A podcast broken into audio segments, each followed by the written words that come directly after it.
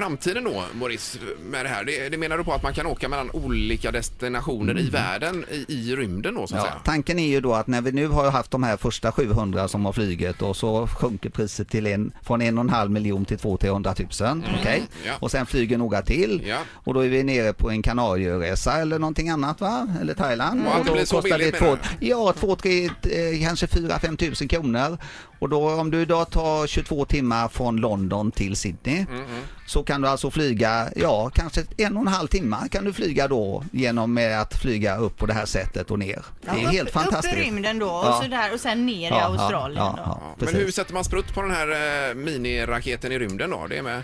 Nej, alltså hur? det, man flyger precis som man gör nu. Alltså man flyger upp med det här katamaranflygplanet, Ja. man släpper rymdfarkosten Yes. och så kör man iväg, man kör suborbitalt, man är ju inte högre än 10 mil. Nej. Det räknas som om rymden börjar. Ja. Är ni med? Och man är viktlös och allt detta. Ja. Ja. Men eh, kommer du högre upp sen då, Mm, ni vet, då är det, och sen är det ju inget luftmotstånd där uppe så det går ju snabbt. Ja, det är klart. ju inga problem att flyga där. Du Nej, nej, flyger idag redan på några Men hur timmar. känns det att flyga där uppe jämfört med att flyga på ett vanligt Ja, flygplan? herregud, nu ställer du en fråga jag inte riktigt kan svara på.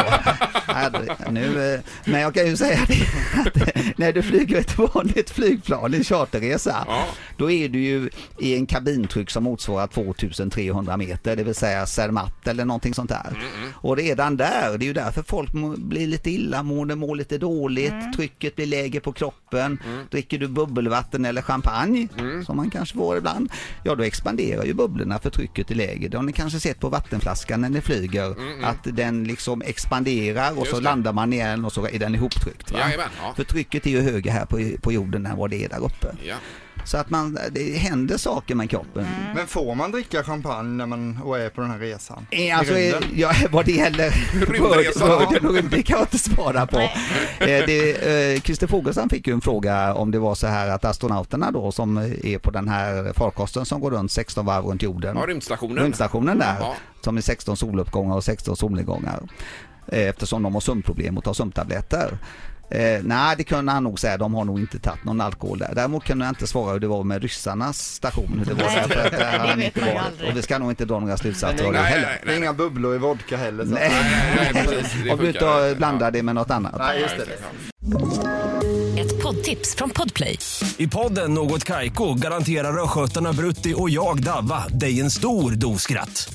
Där följer jag pladask för köttätandet igen. Man är lite som en jävla vampyr. Man har fått lite blodsmak och då måste man ha mer.